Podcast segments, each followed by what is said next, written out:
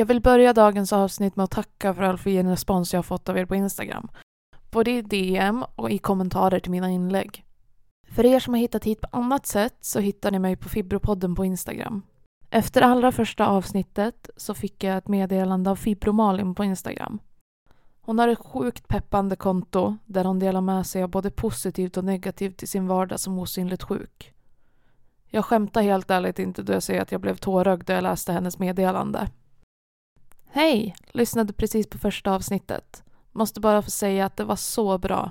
Är så glad att du tagit initiativet till att låta oss höras. Låta oss få en röst. Jag hejar verkligen på dig. Om det är okej okay kommer jag försöka sprida den via min Instagram. Kommer skicka ett mail till dig, men det kommer antagligen ta rätt lång tid att skriva. Men det är på väg. Tack ännu en gång för att du talar för oss. Tre dagar senare skrev hon ett till meddelande. Skickar massor av styrka och valfria svordomar inför avsnitt två. Är så imponerad av dig och att du gör detta. Kan jag hjälpa till på något sätt, förutom att dela med mig av min historia, så säg till. Tack ännu en gång till alla som skriver så fint. Det är just som Malin skriver här. Jag försöker ge oss en röst. Det är även därför jag tänker mig att lyssnarberättelser ska vara en stor del i den här podden. Det ska inte bara kretsa kring mig. Tyvärr har jag inte fått in några lyssnarberättelser jag fått tillstånd att dela med mig av än.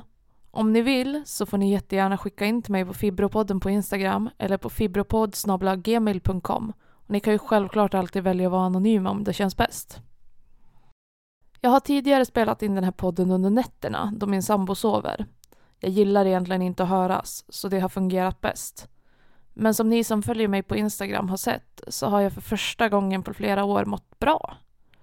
Jag har mått bra för att jag äntligen har fått hjälp med min sömn. Vilket innebär att jag istället för att podda på nätterna faktiskt ligger och sover skönt. För första gången på flera år. Jag behöver inte heller tusentals alarm för att kunna vakna på morgonen.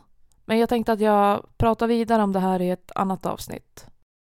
I det förra avsnittet slutade vi på 14 februari 2017 då jag ringde min gamla vårdcentral för att byta ut dem. Samma dag fick jag ett besök hos en ny läkare och en ny vårdcentral. 14 februari 2017. Diagnos. Fibromyalgi. Skriver ut gabapentin, Saroten och Citodon. Högsta tillåtna dosen gabapentin enligt anteckning. 900 mg per dag. 300 tabletter totalt. Citodon vid extrema behov. 20 april 2017. Anteckning utan fysiskt möte. Det finns redan flera uttag gabapentin på apoteket, varför ej recept förnyats. 21 april 2017. Skriver ut gabapentin. 900 milligram per dag, 100 tabletter totalt. 100 tabletter räcker i drygt tre månader. Jag är en sån som alltid har skickat in receptförnyelser då jag hämtar ut mitt sista uttag för att vara säker på att aldrig få bli utan. Det räcker inte i tre månader i och med att läkaren har, i telefon med mig, höjt dosen på läkemedlet. Här tog jag 1500 milligram per dag, vilket innebär att en ask med 100 tabletter räcker i tre veckor. Jag fick med andra ord sluta skicka in när jag hämtade ut den sista, annars skrev de inte ut dem. 24 januari 2018. Anteckning utan fysiskt möte efter telefonsamtal. Skrivet av min nya läkare Dr H. Aktuellt. Patienten står på gabapentin för fibromyalgi. Gabapentin är slut i hela stan, säger hon. Hört med flera apotek och preparatet är restnoterat. Utan mediciner klarar hon sig inte. Får svårt att klara sin skolgång till exempel. Av kvarvarande gabapentin börjar hon trappa ner till halva dosen, men det kommer ändå snart ta slut på receptet. Av Saroten får hon ingen effekt och inte heller biverkningar. Bedömning. Verkar adekvat i telefon. Sätter henne på Pregabalin, men i relativt försiktig dos. Får också prova Mirtazapin till kvällen i låg dos för att om möjligt minska på gabapentin tills vi ses. Återbesökstid 21 februari 11.00. Diagnos smärta eller värk ospecificerad.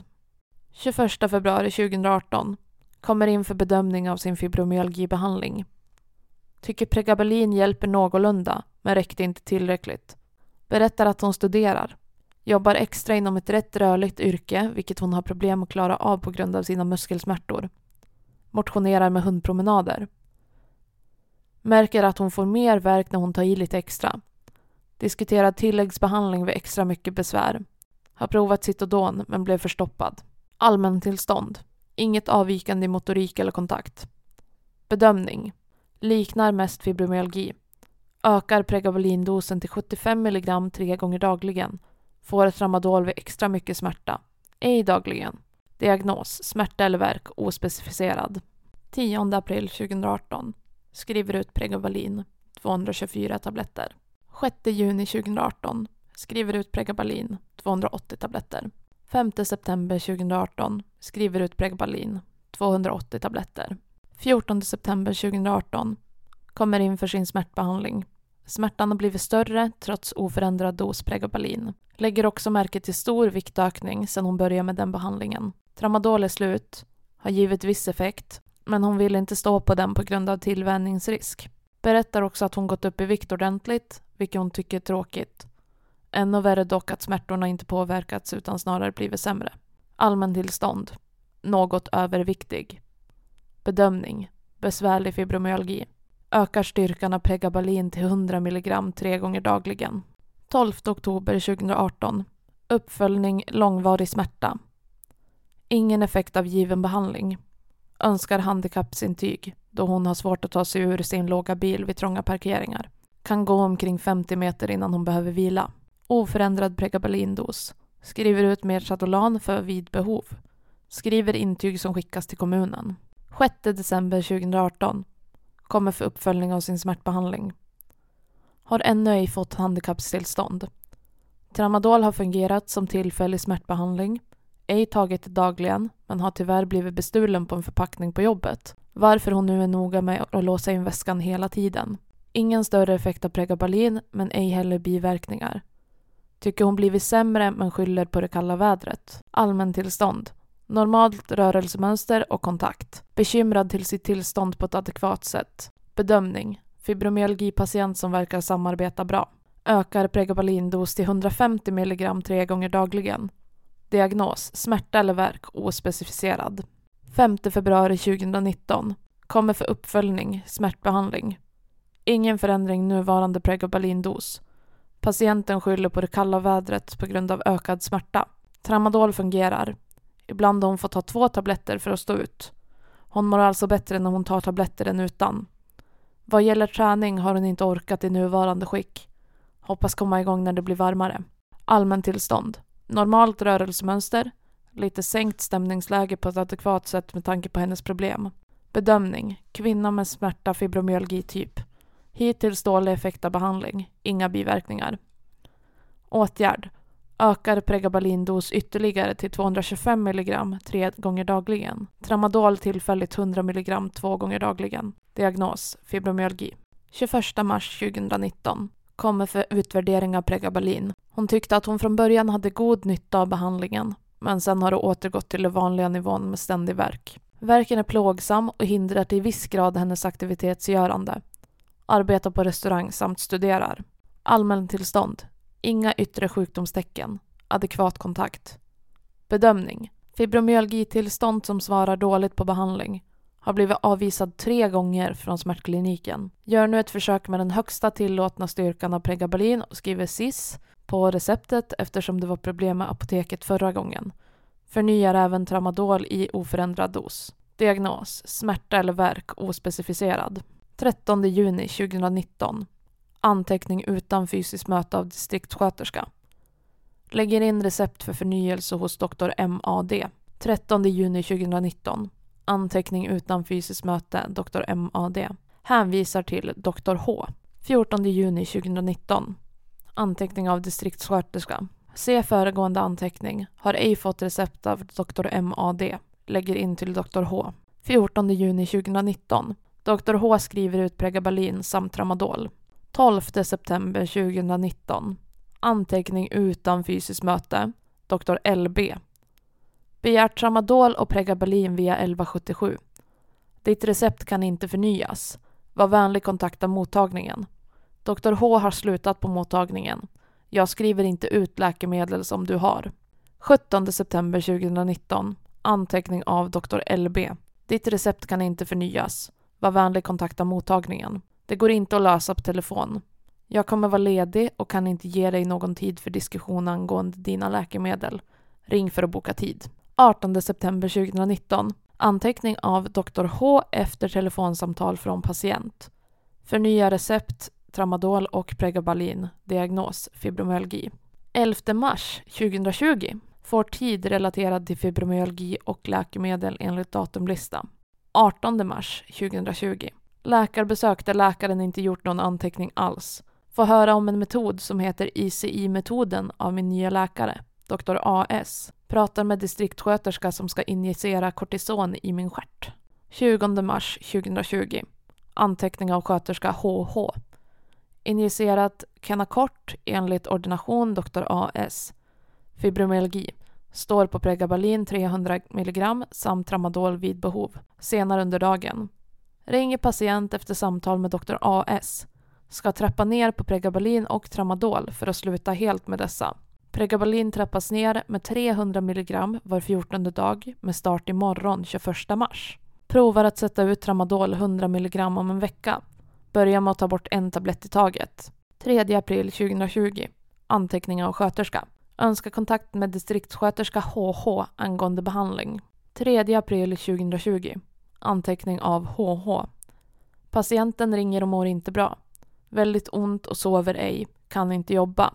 Äter idag två tabletter Pregabalin dagligen samt en tablett Ramadol dagligen. Pratar med doktor AS. Förändra inte dosen på medicinen. 6 april 2020. Kommer in för injektion, Kenacort. Fungerat en och en halv, två veckor ungefär.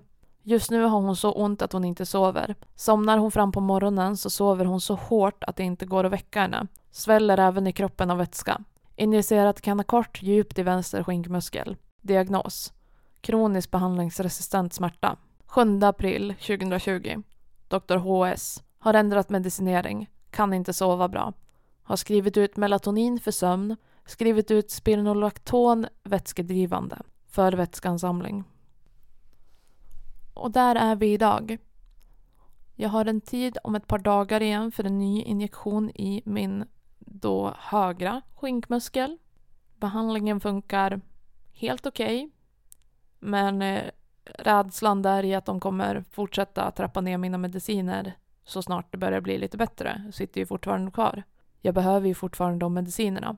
Men hur som så kanske ni märkte här att jag har haft väldiga problem med sjukvård. Både förra och det här avsnittet visar ju på det. I det här avsnittet har det varit mycket att jag har behövt ett nytt recept var tredje vecka, att läkaren inte har skrivit ut det, att min läkare har slutat på mottagningen, blivit dåligt behandlad där av hon som bemötte mig, som inte hade tid att prata med mig om mina läkemedel för att hon skulle vara ledig. Ja, men hänvisa mig till någon som kan då. Under den perioden så hade jag ingen medicin kvar alls. Allting gick bara åt helvete i livet just då. Men just nu är jag tacksam över att jag faktiskt kan sova på nätterna. Inlägget jag skrev på Instagram om att jag faktiskt mådde bra, det, det har förändrats lite. Jag mår inte helt hundra lika bra som jag gjorde förra veckan. Men jag kommer ju gå igenom min problematik, mina behandlingar. Ni har ju hört lite av dem nu. Men jag kommer ta upp allt sånt i ett senare avsnitt. Nu skulle jag vilja fråga er. Vad vill ni att jag berättar om framöver? Vad är det ni vill höra? Som jag nämnde tidigare i det här avsnittet så tycker jag inte om att höras egentligen. Men jag har ju förutsättningarna till att faktiskt göra den här podden och jag vill ju som sagt göra den för oss. Jag är snart arbetslös. Jag har bra inspelningsutrustning hemma. Ja, men jag har, jag har snart tiden. Så därför undrar jag vad ni känner att ni vill höra här. I en perfekt värld så skulle jag ju redan ha fått in en massor med lyssnarberättelser. Men en podd med 60 lyssningar på två avsnitt. Det är ganska självklart att ni inte har hunnit skriva in. Eller så kanske det inte är någon som lyssnar som vill skriva in. Jag hoppas ni förstår hur jag tänker. Jag vill såklart ta in så mycket berättelser som möjligt. Det kan vara tips på hur man kan lindra smärtan. Det kan vara berättelser om din erfarenhet i sjukvården. Det kan vara någonting kring dina behandlingar. Eller vad som helst som rör en osynlig sjukdom. Och det kan ju som sagt vara vilken som helst. Det kan vara MS, det kan vara fibromyalgi, det kan vara reumatism, det kan vara endometrios, det kan vara psykisk ohälsa, diabetes, vad som helst. Bara för att jag heter Fibropodden så behöver det inte bara handla om fibromyalgi. Men jag skulle vilja tacka för att ni har lyssnat idag så hörs vi förhoppningsvis om drygt en vecka. Jag vet inte riktigt än vilket ämne vi kommer ta upp då men det ordnar sig. Hej då!